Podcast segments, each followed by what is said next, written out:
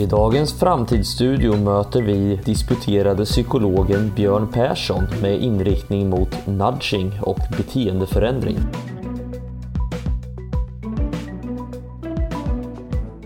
Björn, du har studerat psykologi i Skottland. Du har arbetat med en reklambyrå och använt dina kunskaper i säljandets tjänst. Du har avbrutit ett försök till att bli fotbollsproffs. Och eh, du har jobbat i butik. Det här är en del av din bakgrund. Vad gör du på Kairos idag? Idag på Kairos jobbar jag som eh, konsult på vårt Consumer Markets och Innovations team. Där vi, jag jobbar främst med frågor inom handel, tittar på handelsutveckling. Var är handeln på väg idag i eh, digitalismens, eller vad säger man, digitaliseringens tider och förändrade köpbeteende. Så mm. tittar vi lite på hur eh, kunder beter sig idag, vad man efterfrågar och hur man ändrar sina köpvanor helt enkelt. Och hjälper företag att undersöka de här frågorna för att förbereda sig för framtiden. Mm. Så kortfattat att förstå kunders beteenden och framtida beteenden naturligtvis. Precis. Det vi pratar om nu är ju psykologi och kopplingen till konsumentbeteenden och vårt försök att se vad framtidens konsumentbeteenden är för någonting och hur vi kan påverka dem på olika sätt. Och den här eh, disciplinen, vetenskapliga disciplinen som handlar om beslutsfattande som konsumentbeteende är ju väldigt mycket eh, det det handlar om. Det kallas ju behavioral economics och har ju fått väldigt mycket uppmärksamhet de senaste åren. Bland annat med Kahnemans bok Tänka snabbt och långsamt. Dan Ariely är en annan person som är omtalad i de här sammanhangen som man kan ta del av på TED bland annat på nätet. Eh, men det du har bådat ner dig lite extra i, det är just nudging. Vad är nudging för någonting? Nudging är ju ett område där man tittar på beteendeförändringar genom att använda relativt små och enkla medel för att skifta någons beteende och beslutsfattande. Och det är ju sprunget ur det här som du säger, behavioral economics. Och det är ett område där man har tittat på eh, beslutsfattande i olika situationer och hur vi oftast tar på ytan ganska irrationella beslut. Ja, och det här är ju intressant eftersom att ekonomi, ekonomer har ju länge mm. tänkt sig människan som homo economicus, där fattar rationellt ekonomiska beslut. Så att vinstmaximering, förlustminimering och så vidare. Men vad är det vi finner i behavioral economics? Det utmanar hela den modellen att den här homo economicus verkligen finns. Mm. Att, uh, man pratar om, uh, the econ pratar de mycket om att det är den här rationella människan som tar de perfekta besluten hela tiden. Att den människan finns ju inte.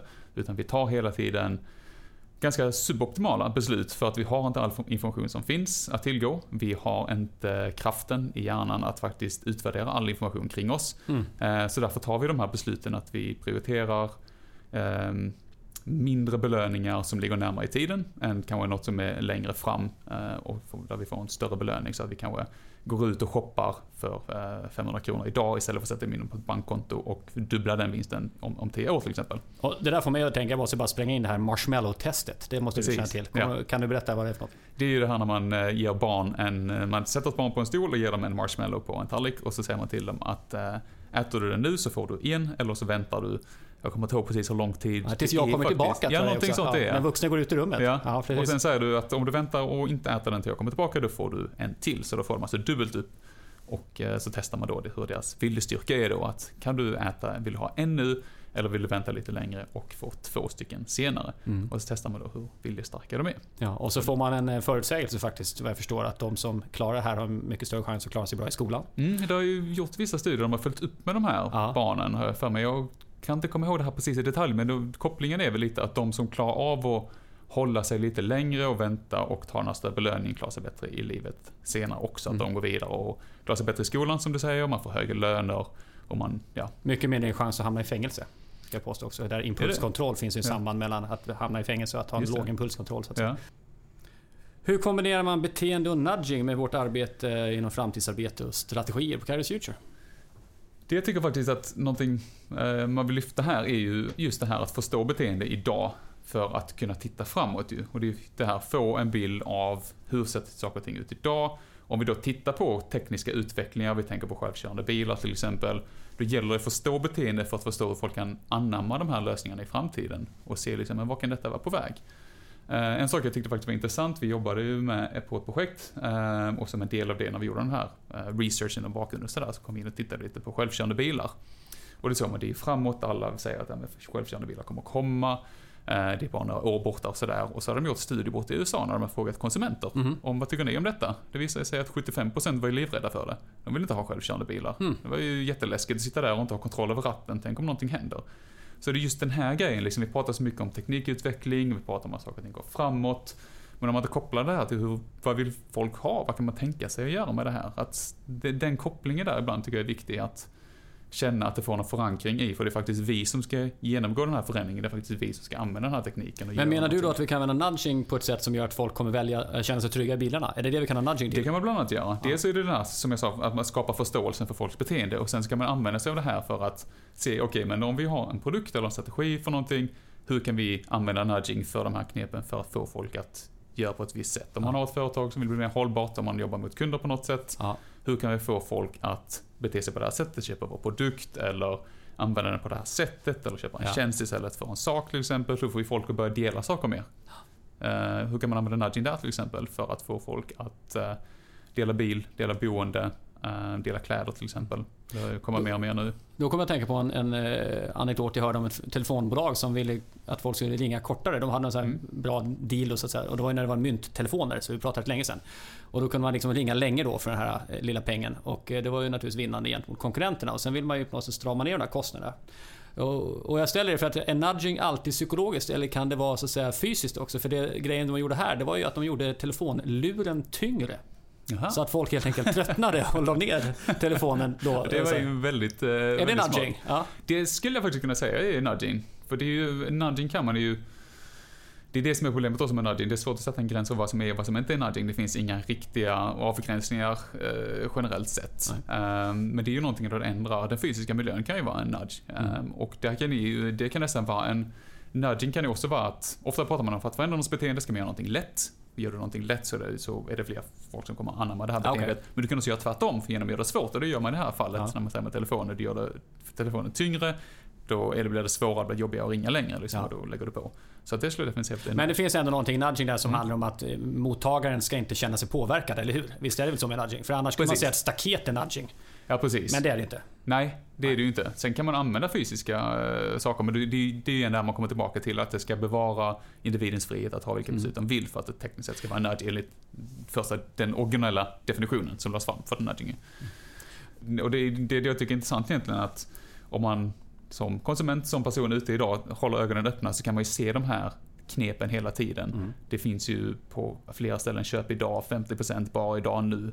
Det är hela tiden man spelar på det här att det finns i begränsad tid, det finns i begränsad mängd och på begränsad plats till exempel. Att nu finns det bara just i denna butiken till exempel. Mm. Köp den nu. Liksom. Då vill man ju få den här liksom, att folk ska känna att oh, nu måste jag köpa den nu, jag kan inte vänta en dag, två dagar eller en vecka. Liksom, det måste vara här och nu. Ja. Men tillbaks till nudging då. Vad, Mm. vad är nudging?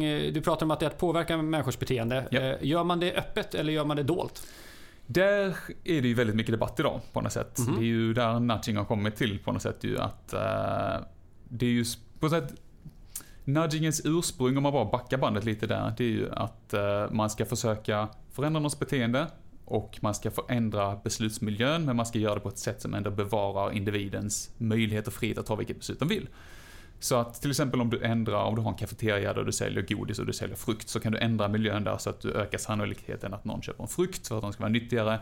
Men du tar inte bort godiset, någon ska fortfarande kunna vara onyttig, men du gör det lite svårare för dem att kunna göra det här ju. Mm. Ehm, så det är hela grundprincipen egentligen ju. Sen finns det de som säger att genom att utnyttja de här beteendeknepen så kan du ju använda det på ett eh, ont sätt och få folk att göra eh, saker som de inte vill. Just det. Eh, och det finns till och med ett begrepp för det som kallas för sludging. Så att Jaha. man kallar att man gör det antingen svårare eller man använder den här lite fulknep på något sätt för att eh, lura folk in i, oftast så sker det online och sådär man har när man klickar i nyhetsbrev till exempel och när du har köpt en produkt och så står det så här att klicka inte i denna rutan om du inte vill ha nyhetsbrev. Alltså man använder sådana här saker liksom för att lura in folk och göra saker som Mm. de kanske inte egentligen skulle vilja göra. Så att det finns ju den sidan och det finns så mycket en, en stor debatt idag liksom vad är rätt och vad är fel inom nudging. Det där är ganska intressant för jag menar, är det något, menar vi har en gigantisk eh, sektor som Mm. jobbar med reklam och kommunikation. Och det är väl ingen som tänker sig att reklam eh, alltid berättar saker och ting precis som det är. Alltså det är ett påverkansmedel helt Mm. öppet. Men Precis. där har man inte någon större betänklighet. Det finns ju gränser för vad man kan påstå. Precis. Naturligtvis. Mm. Men de gränserna eh, och de associationer som skapas med storytelling och så vidare är ju eh, när man stannar upp och tänker efter, det är Mm. ibland lite löjeväckande. Men där finns egentligen inte riktigt samma diskussion alltså. Nej, det tycker jag faktiskt inte. Ehm, I och med att, som du säger, att reklam är ju, det är ju, en, det är ju en påverkansmetod. Ja, ja. Ehm, och där har man kanske inte riktigt det här tänket att det ska ske schysst, men det är ju, det, där tar man till vilka metoder som uh, finns tillgängliga lite Mm. faktiskt, på något sätt ju. Ehm, och det har ju varit så under uh, flera år sedan liksom reklam och marknadsföring föddes. Har man ju använt de här metoderna för att försöka påverka folk och, uh, med olika medel ju. Mm. Så att nu är det ju liksom bara ett nytt uh, handlingssätt. Men är det här aspekten att nudging, för om jag förstår nudging rätt så är det ju Mm. lite så också att man försöker använda metoder som eh, så att säga, samspelar med mer djupliggande psykologiska mekanismer som många människor, Mm. om inte alla, så att säga, delar. Att det är de vi spelar med snarare än information till exempel. Eller snygga bilder. Alltså, utan det är Mm. mer som du säger, hur placerar vi föremål? Eh, hur stimulerar vi en, en typ av reaktion som personen Mm. eh, på ett sätt naturligtvis kan välja att avstå ifrån. Men det är större chans att den triggas för att vi trycker på en knapp som vi i bästa fall vet finns. Människor gör ofta så här när de blir satta i den situationen. Ja. Är det korrekt uppfattat? Jo, det är det. Absolut. Och det är ju det här, man vill komma åt de här djupliggande beteendena för att man ska liksom trigga någon sorts automatisk reaktion. För det är också det man eh, går tillbaka till behavioral economics när man tittar på den här forskningen som har gjorts, att vi inte är rationella människor, så är det ofta de här automatiska beteendena man tittar på och pratar om ju. Det är det här att eh, när vi tar ett beslut så tar vi ett beslut utan att riktigt tänka efter. Varför gör jag det här? Um, och det är den sortens respons man är ute efter i Mm. nudging till exempel, eller i marknadsföring. Är det som Kahneman och Tversky kallar för system 1? Precis. det är ju det här Berätta liksom. lite mer om det. Vad är systemet? Då? Eh, system 1, man kallar ju man brukar göra skillnad på system 1 och system 2. Och det är antingen det, kan, vad ska man säga, det automatiska eller det, det långsamma. Det är det här att tänka snabbt eller tänka långsamt. Eh, och system 1, det är ju det här automatiska, snabba, vi går in, vi tar ett beslut, vi vet inte riktigt varför. Det kan mer- Intuitivt. Precis, Ja. vi vet att jag borde göra det här, jag vet inte riktigt varför, men man gör det, man tänker inte efter så mycket. Och ibland så kopplas ju system 2 på och det är det här långsamma, eftertänksamma när vi börjar planera, hjärnan går igång och vi börjar fundera, men är detta rätt? Ska jag göra så här eller ska jag göra här? Ska jag gå höger eller ska jag gå vänster? Man börjar verkligen fundera och utvärdera den informationen som finns tillgänglig. Och det är oftast i det här system 1, då som vi säger, som de här snabba, impulsiva, intuitiva besluten kommer och det är där man kan eh, skapa den här påverkan. Det är där man vill in med sin nudging så att säga. Precis, Mm. det är det man vill. För att man vill ju, det är ofta så vi tar de här kanske irrationella besluten. Mm. Eh, och det är då man vill liksom styra bort folk från att köpa ett äpple istället för ett choklad. Till exempel om man vill. De folk ska bli nyttiga eller sluta röka eller vad det nu är. man Mm. vill. Jag såg något exempel när man fick människor att avstå från rulltrappan och ta den vanliga Mm. trappan för man hade målat trappan som ett piano Mm. och satt ljudeffekter på. Du kanske har sett också? Det finns några YouTube-klipp tror jag. Ja, det finns rätt många sådana här faktiskt. eh, Hur man kan, just med trappor, och hur man kan få folk att ta trappan istället för rulltrappan. Det finns eh, väldigt många sådana faktiskt. Har den, har den bestående effekt? Eller kommer jag gå i trappan även 50 gånger jag kommer dit?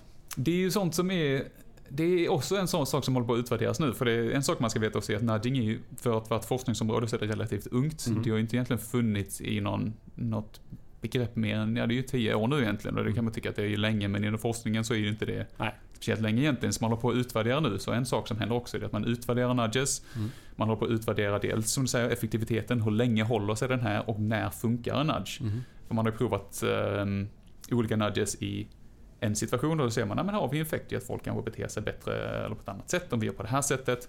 Men testar vi det i ett annat land, ett annat kontext eller bara på en annan plats i en stad Mm. så får vi kanske inte samma effekt. Så nu håller man på att testa de här nyanserna och se att eh, när fungerar nudges, hur länge Mm. och för vem helt enkelt. Mm. Så det är ju någonting man håller på att utvärdera nu faktiskt.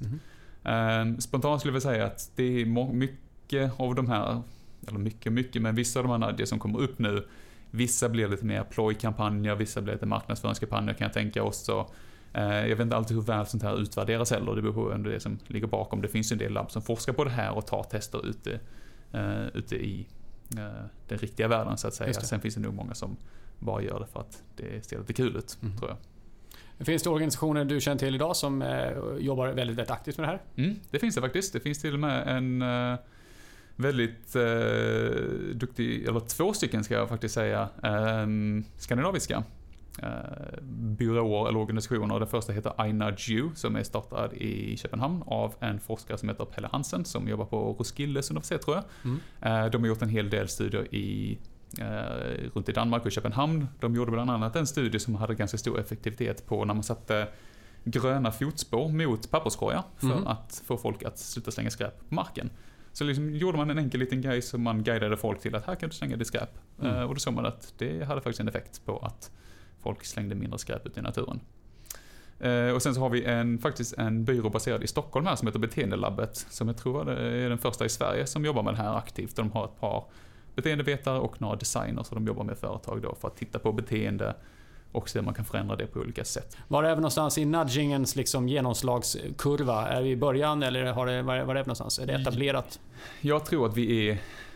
I ren kunskap är vi nog relativt tidigt ändå faktiskt. Jag tror att vi är någonstans eh, i början av det här faktiskt. För det är just det här att man, man, man testar gärna. Det finns väldigt mycket intresse kring det. Det finns jättestort jag har jättestort intresse av att lära sig mer och liksom verkligen vara ute i världen och försöka påverka. Men mm. det jag tror att vi inte riktigt vet är ju det här bevisbaserade. Att fungerar det här verkligen? Hur stor effekt har det? När får det effekt som du sa? Liksom, mm. Mm. Om vi sätter ett piano i en trappa. Mm. Får det en effekt första gången, andra gången, tredje gången? Hur ofta? Just det. Um, och det jag tycker man tappar lite i debatten kring nudging, det är att man tittar väldigt snabbt på de här förändringarna. Hur kan vi få folk att göra det här? Men man tappar lite det här med hur beter sig folk idag? Och varför beter man sig som man gör idag? Så man måste ha hela utvärderingskedjan här. Att för att förstå hur vi ska förändra någons beteende så måste man ändå veta liksom, men varför tar folk rulltrappan idag? Mm.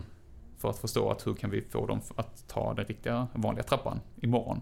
Eh, om man tappar det här första steget lite istället så försöker man komma på någon sån här liten kul grej för att locka folk att ta trappan en gång. Mm. Men man kan inte komma bort från det här um, beteendet varje dag. Nej.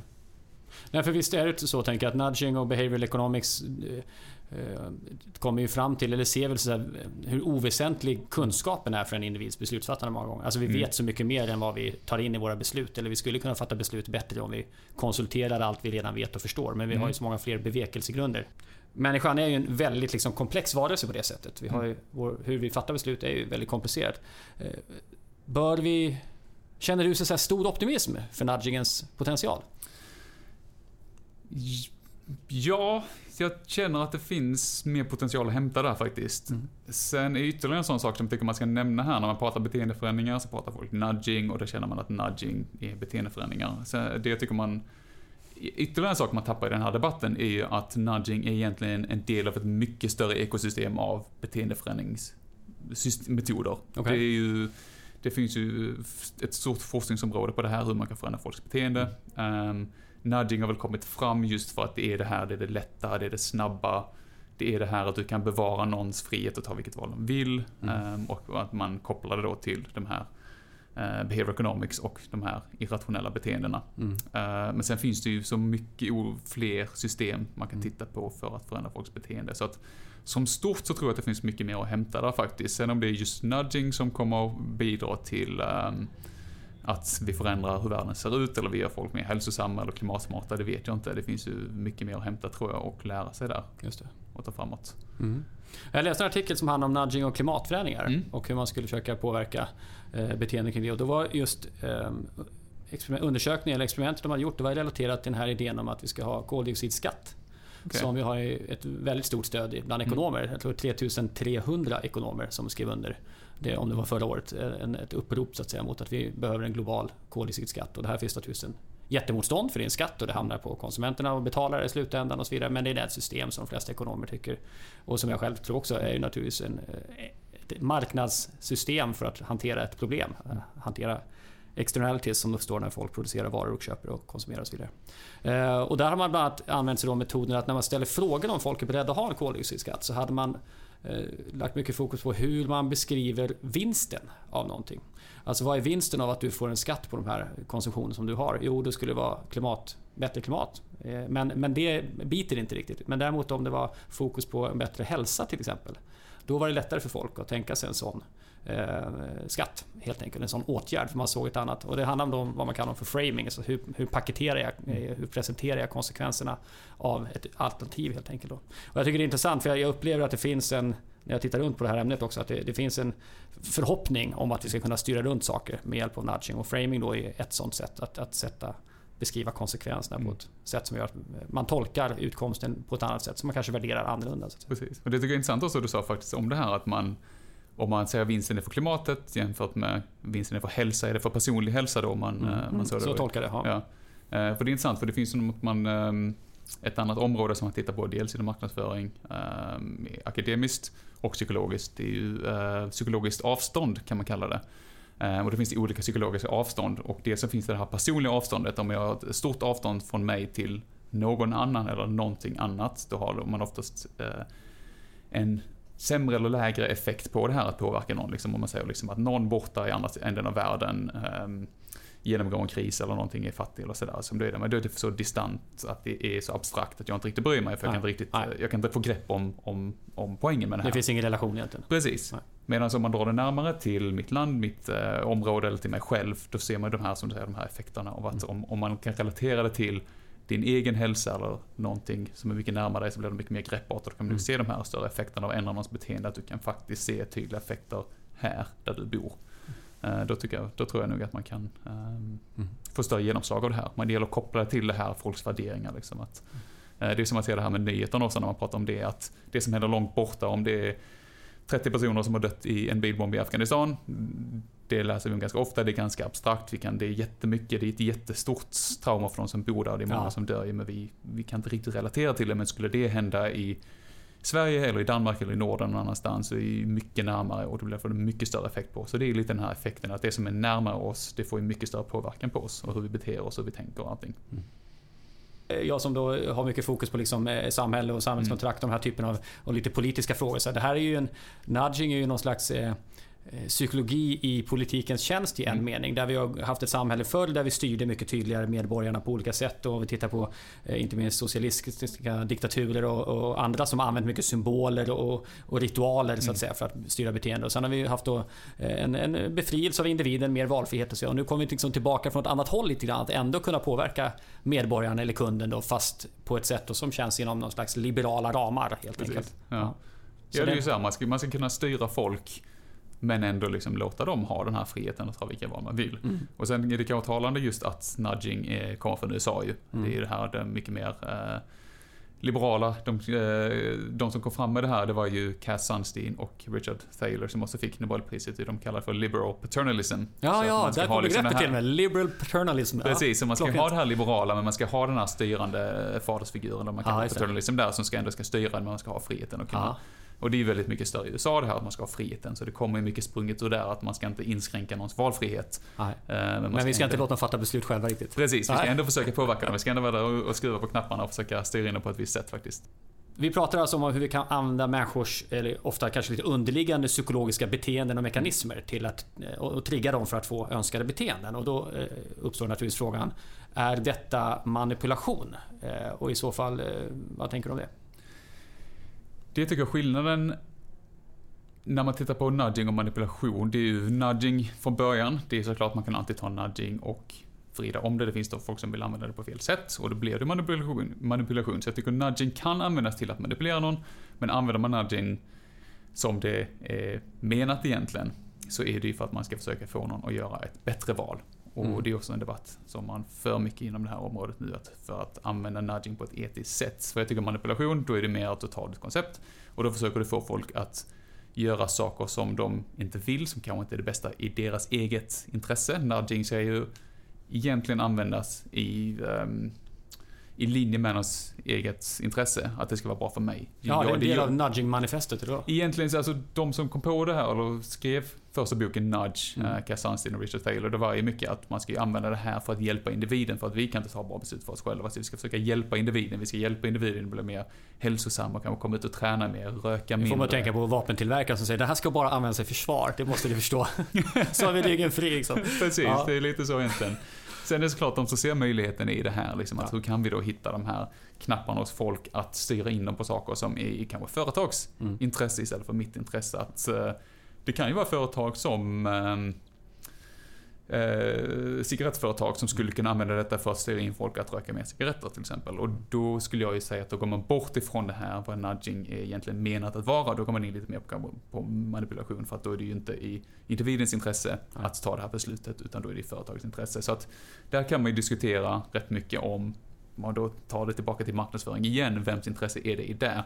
Så där skulle jag säga att när man använder beteendevetenskap och behavior economics i marknadsföring, då säger jag att man går nästan ifrån det här med nudging. Såvida inte det är att man försöker styra in någon att ta ett val som faktiskt gynnar dem själva också. Om man ändå ska ta ett beslut eh, och köpa någonting och så försöker man styra in dem på någonting som faktiskt gynnar dem själva. Ja, det är intressant för där kommer så paternalismen tillbaka. Mm. Idén om att det finns någon annan som kan veta vad som är rätt för dig. Mm. En idé som inte var helt, eh, stod helt säkert under 80-90-talet. Liksom, mm. Utan det, det, visste du naturligtvis själv. Ja. Så det är intressant den här pendeln som rör sig. Jag kan se den på andra ställen också. Om nudging är att påverka människors beteenden Mm. genom att använda psykologiska mekanismer. Och då tänker jag i framöver här nu när vi pratar om ett samhälle med väldigt mycket sensorer. Mm. Vi har digitalisering med mycket digitala flöden där vi kan mina ut insikter och kunskap genom big data analysis.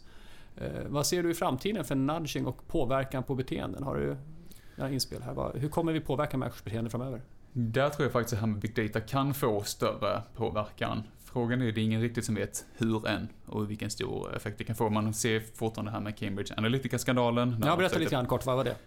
Eh, Det var ju när det kom fram det här att företaget Cambridge Analytica hade använt sig av data från Facebook för att då eh, lägga ut personaliserade, eller targeted, eh, reklam till folk för vissa saker för eh, Brexit och, Brexit och, även Trump. eh, amerikanska valet med Mm. Donald Trump då för att försöka påverka dem då och de själva säger att det hade en effekt av att Donald Trump faktiskt vann valet och att Brexit eh, kanske ser ut att hända fortfarande. Mm.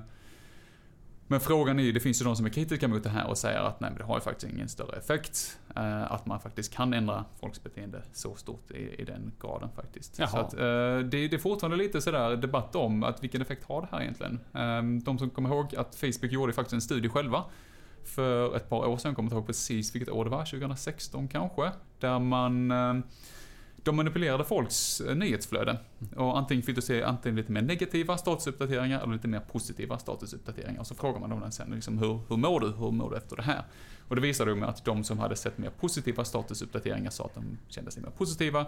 Och de som hade sett lite mer negativa statusuppdateringar kände sig mer ne- negativa. Och då sa de att då kom det här upp att åh, det här har ju en effekt att eh, du kan manipulera hur någon mår genom Facebook, att de kan ändra sitt flöde och eh, få folk att, att känna sig mer negativa. Men när man tittade på studien så visade det sig att den här effekten var ju så pass minimal egentligen. Så att den här, om det fanns någon effekt på riktigt, så var den så pass liten att den är meningslös egentligen. Så att Jaha. det är ju där lite liksom att om du tittar tillräckligt stora mängder människor och du skickar ut de här meddelandena så kanske du ser någon liten effekt i att folk ändrar sitt beteende eller ändrar sitt, eh, sina åsikter. Men frågan är om det kommer vara några så här jättestora skillnader. Men det är klart, med ny teknik, med AI som blir utvecklad och kan se mer personalisering i det här så kan det få större effekter. Så det Ja, men du känner egentligen ingen oro så att säga, för att någon skulle göra Cambridge Analytica igen?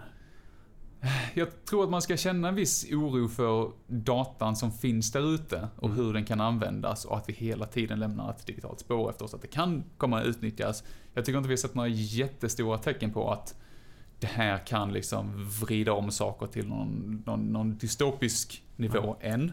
Eh, sen vet man ju inte, det är ny teknik som kommer fram hela tiden och det är folk som forsk- forskar på det här. Mm. Det som jag egentligen tycker är allra mest läskigt är när man börjar titta på hur folk kan eh, bli omvända av de här nya um, deepfake-videorna där man tar en video av en person och sen så lägger man över någon annans röst eller ansikte och manipulerar de här videorna så det ser riktigt Man ut. byter budskap egentligen. Precis. Mm. Då, den, den sortens, när den tekniken kommer fram och man kan ta ut det till en viss person som skulle vara mottaglig mot just den informationen. Mm. eh, Då tror jag faktiskt att den sortens saker kan få uh, större genomslagskraft Mm. faktiskt.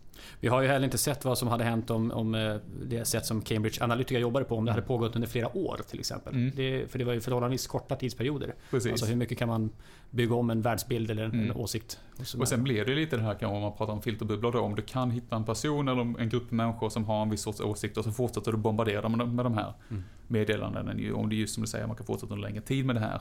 Då kanske det kan få större effekter att folk bara får en viss sorts information och att det blir det här, igen om man går tillbaka till behavior economics som pratar om det som heter confirmation bias. Mm. Det är att om du har en viss åsikt och du ser någonting som stöder den åsikten så är det mer li- sannolikt att du eh, tror på den informationen och du letar efter information som stöder din åsikt redan nu. Och där tror jag också att de här sakerna kan bli farliga. Om, du, om någon har en åsikt redan och du fortsätter ge dem information som stöder den åsikten, då kan du fortsätta bygga det här att men så här är det för att jag får hela tiden information som stödjer min åsikt, men du tittar inte på det som faktiskt talar emot eh, den åsikten du har. Mm.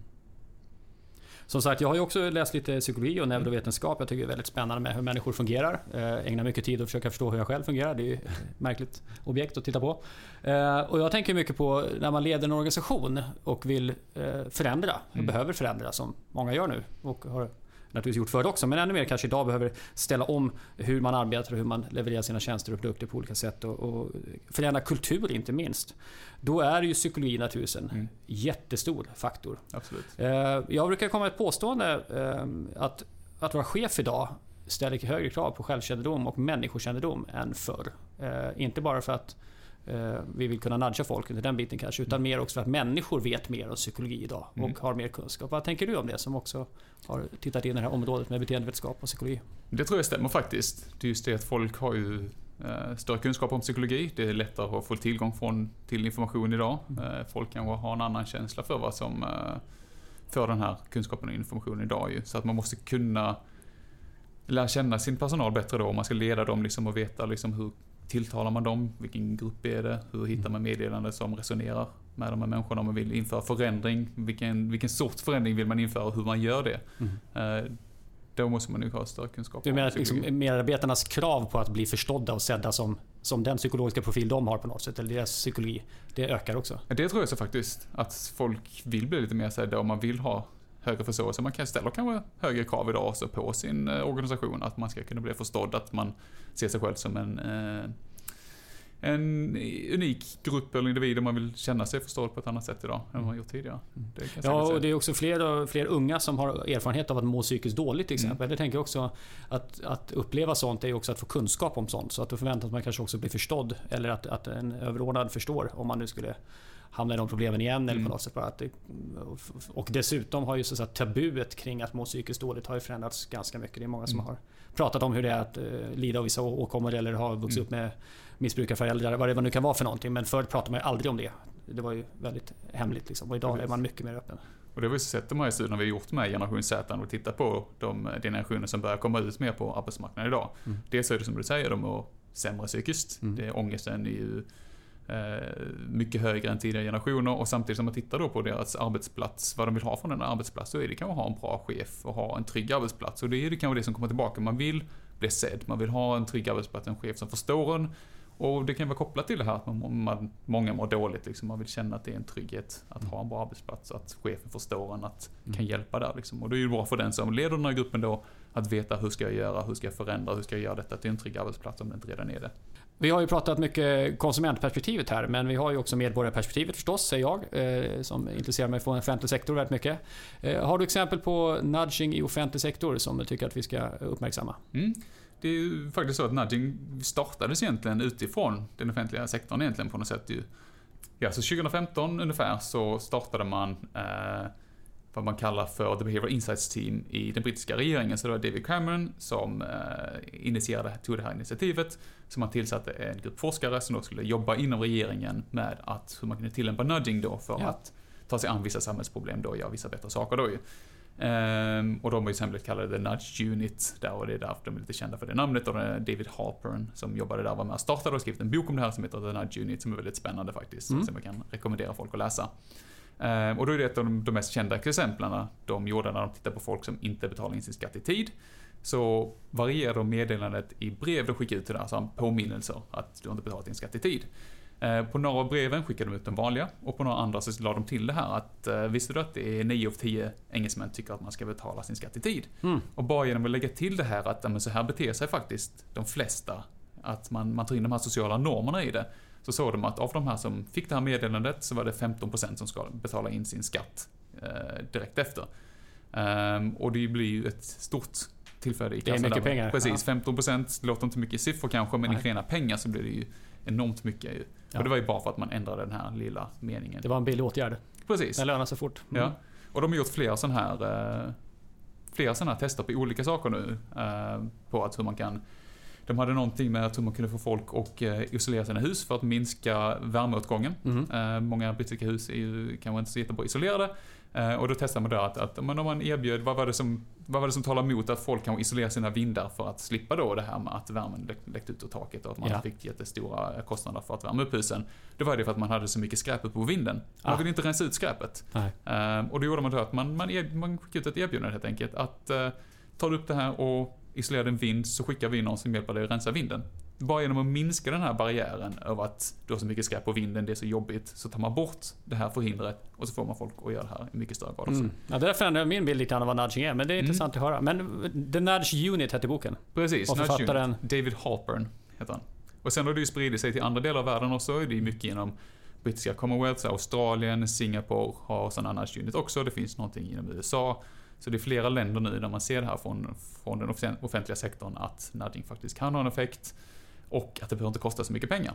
Nej. Att man kan faktiskt få igenom de här förändringarna och göra en skillnad och få in lite mer till eh, kommunens kassa kanske. För genom att bara förändra vissa små saker. Just det. Apropå en nudge unit, hur Mm. börjar man hålla på med nudging i sin organisation? Om man nu tycker att det här är, nyf- det här är intressant. Vi, vi har eh, flöden av kunder eller Mm. turister eller vad vi nu jobbar med för grupper. Så hur, hur börjar man? Det man kan göra, det är ju lite som när vi pratar om innovation här. Det finns olika sätt att jobba, på mm, jobba med det på. Antingen så försöker man få alla inom en organisation att tänka på det här. Vilka beteenden kan vi förändra? Det bästa är kanske ändå att ha någon som är ansvarig och skapa någon sorts nudge unit inom sitt företag. Eh, Som kan jobba mer dedikerat med de här frågorna. Och vad behöver den personen ha för kunskap? Egentligen så behöver man inte ha någon speciell bakgrund skulle jag faktiskt våga säga. Trots att jag själv har utbildat mig inom psykologi så skulle jag inte säga att eh, om man ska jobba med detta behöver man inte vara disputerad på något sätt alls. Eh, utan det gäller att ha en kunskap om dels ens egen organisation. Eh, vilka behov finns det för nudging? Vilka beteenden vill vi förändra? Eh, och sen så får man såklart grotta ner sig lite i hur man eh, faktiskt förändrar beteende. Och det är väl där man bör med fördjupning där, men det finns väldigt mycket information att köpa. Det finns väldigt mycket bra böcker, det finns online, det finns onlinekurser på det här som man kan ta sig an. Det är Eh, mycket det. tankesätt gissar jag.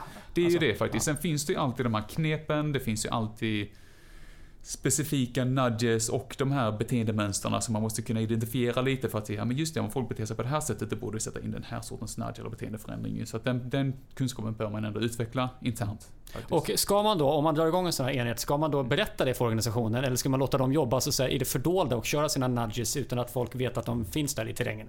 Det beror lite på om man ska nudga inom organisationen eller om man ska nudga utåt. Ja, Men förstås. Ska man nudga inom organisationen skulle jag nog ändå säga att man ska vara tydlig med att det finns. För annars så blir det risken där som vi diskuterat innan, man glider över till någon sorts manipulation. Att om någon säger, om de inser senare efteråt att de har varit och förändrat här för att jag ska bete mig på det här sättet och det kan vara lätt att folk känner sig att men det här var inte jag med på och det här vill jag egentligen inte göra. Och det är risk att det blir lite... Men är inte risk att man blir immun mot nudges om man vet att de finns där?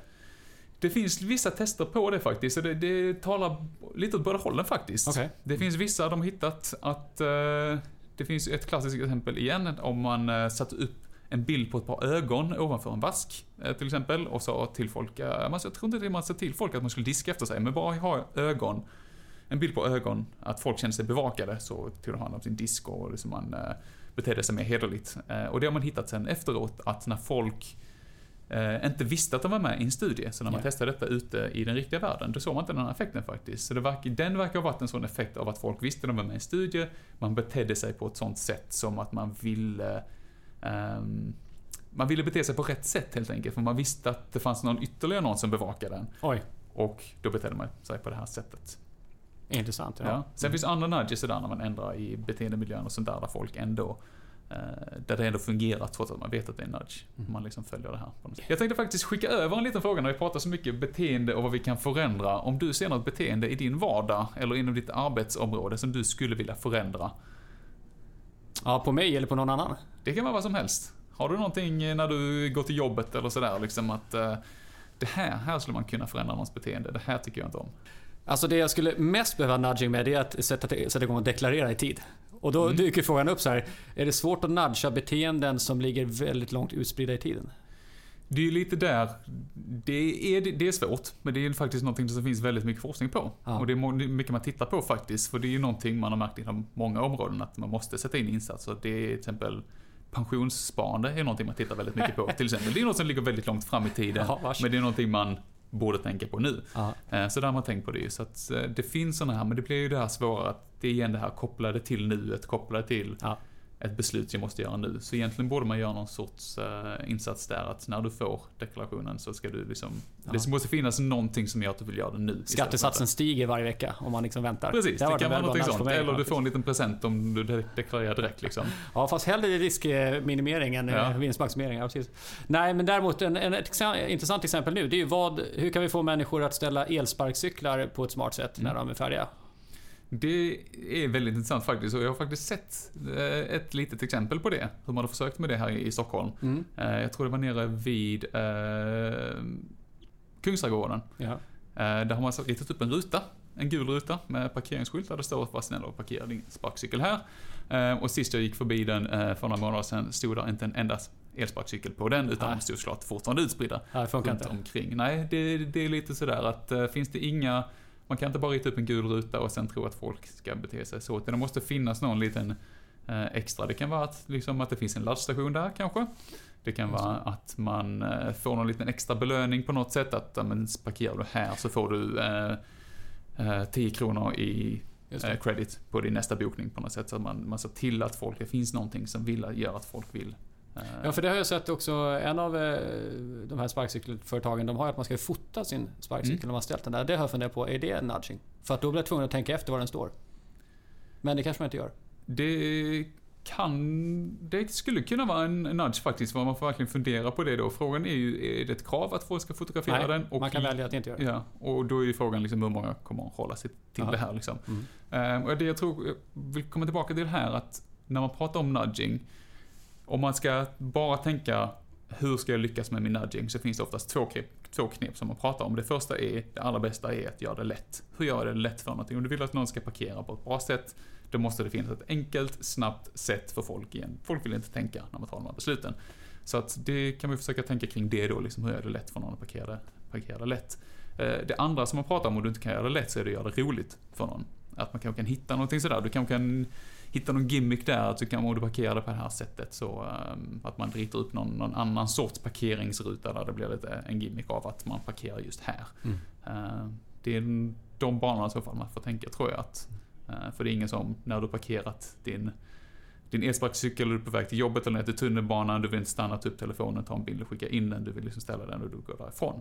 Så att alla sådana extra steg som man lägger till, då tror jag att de kommer vara svåra att lyckas med, helt enkelt. Om det inte är tvång. Vi pratar eh, nudging, vi pratar om eh, psykologisk påverkan på människors beteende och ditt arbete Björn eh, med att jobba mot konsumentmarknader. Mm. Så här lite som avslutning och framåtspanande. Vad ser du är den breda trenden när det gäller konsumtion framöver? Det jag tror faktiskt, när man tittar på allmänna samhällstrender, så har man nästan lyfter blicken lite från nudging är väldigt mycket individnivån, som vi lyfter blicken till en mer samhällsnivå och tittar på sociala normer, så tror jag vi går faktiskt mot en mer hållbar konsumtion. Ehm, trots att konsumtionen slår ner, eh, handeln slår ner rekord hela tiden, vi shoppar mer, eh, så tycker jag man ser en större medveten, medvetenhet bland folk idag att vi kanske inte kan fortsätta konsumera på de nivåerna vi gör. Man försöker konsumera mer hållbart. Det har man sett i livsmedelsbranschen under längre tid. Att eh, det är det ekologiska som går framåt faktiskt. Och jag tror att det börjar sprida sig till andra branscher. När man tittar på kläder till exempel. Att klädeskedjor börjar haka på det här. Men jag såg nu för ett tag sedan att både Zara och H&M ska börja använda mer hållbara och återvunna material vid 2025 och 2030.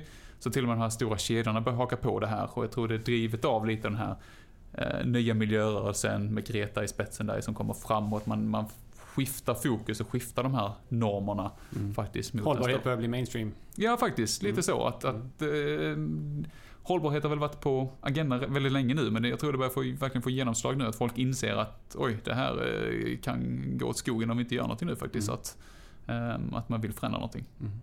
En annan framtidsfråga är ju, jag är inne på det här att nudging på ett sätt eh, är en påverkansmetod av sin tid. Så Mm. att säga. Individen ska fortfarande ha stor valfrihet. Eh, politik och andra ska inte styra. Kollektivet ska inte forma individens eh, valmöjligheter i någon större omfattning. så att säga. Men eh, vad ser du framåt? Kommer vi stanna kvar vid den typen av tankar eller kommer vi se en eh, kollektivisering så att säga, där ind- individen får stå tillbaka för eh, kollektivets bästa i högre grad som det var lite mer förr och som eh, man skulle kunna tänka sig att klimatfrågan knuffar i sån riktning. Vad, ser vi några tecken på det? Vad tänker du?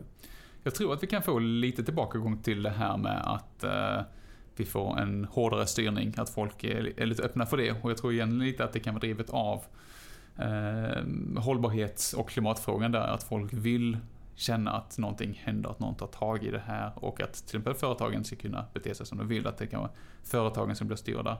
Eh, och det vi ser lite också i konsumentattityderna, det är att folk vill ha hjälp. Folk vill ha hjälp att göra bra, rätt val. Um, och då kan ju nudging vara en del, eh, del i det, men jag tror också det öppnar lite för det här att folk skulle kunna tänka sig, eh, i lite större utsträckning i alla fall, ehm, att bli styrda med liksom en, en lite hårdare hand här. Liksom, att, Ser du någon skillnad mellan generationer här? Ja, men då tror jag nog att den yngre generationen som har växt upp med, med klimatförändringarna, att de kan vara mer öppna för striktare normer till exempel. Att man ska inte shoppa för mycket, man ska inte bete sig på vissa, vissa sätt. Och det ser vi generellt från våra undersökningar på dem, att de har lite mer återgång till de här traditionella eh, moralen och traditionella normerna på något sätt. Och jag tror att de kan vara lite mer öppna för det här, för det är också de som står eh, mest i framkant här med eh, klimatfrågan och eh, kämpar där på något sätt ju. Även om det inte är alla så är det ändå de som eh, lever med det här och det är de som driver den här frågan mycket framåt. Mm. Tack Björn för inblick i detta med nudging och eh, psykologi, konsumentbeteenden och framtiden kring hur vi påverkar. Det var jättekul att ha dig i Framtidsstudion. Tack så mycket, det har varit väldigt kul att vara här och jag kommer gärna tillbaka. Du är välkommen. Också. Ja, tack för det. Och till alla lyssnare, vi dyker upp framöver igen. Ny gäst, nytt spännande tema. Jag tackar för mig, Fredrik Thorberger och på återhörande.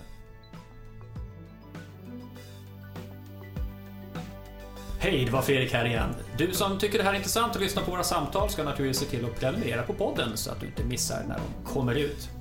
Sen får du gärna hänga med och bli en Kairos Future Friend. Då får du våra nyhetsbrev och tillgång till en del gratis rapporter som man kallar ner från hemsidan. Men om inte det räcker, om du är ännu mer sugen på framtiden och bara måste få tugga i dig lite tyngre texter, då är det Kairos Future Club som du ska bli medlem i. Där får du en framtidsspaning 10 gånger per år i form av rapporter och seminarium i Stockholm och Malmö. Kom in på vår hemsida, ta kontakt med vår Helena på Kairos Academy så ses vi där. Ha det gott, hej!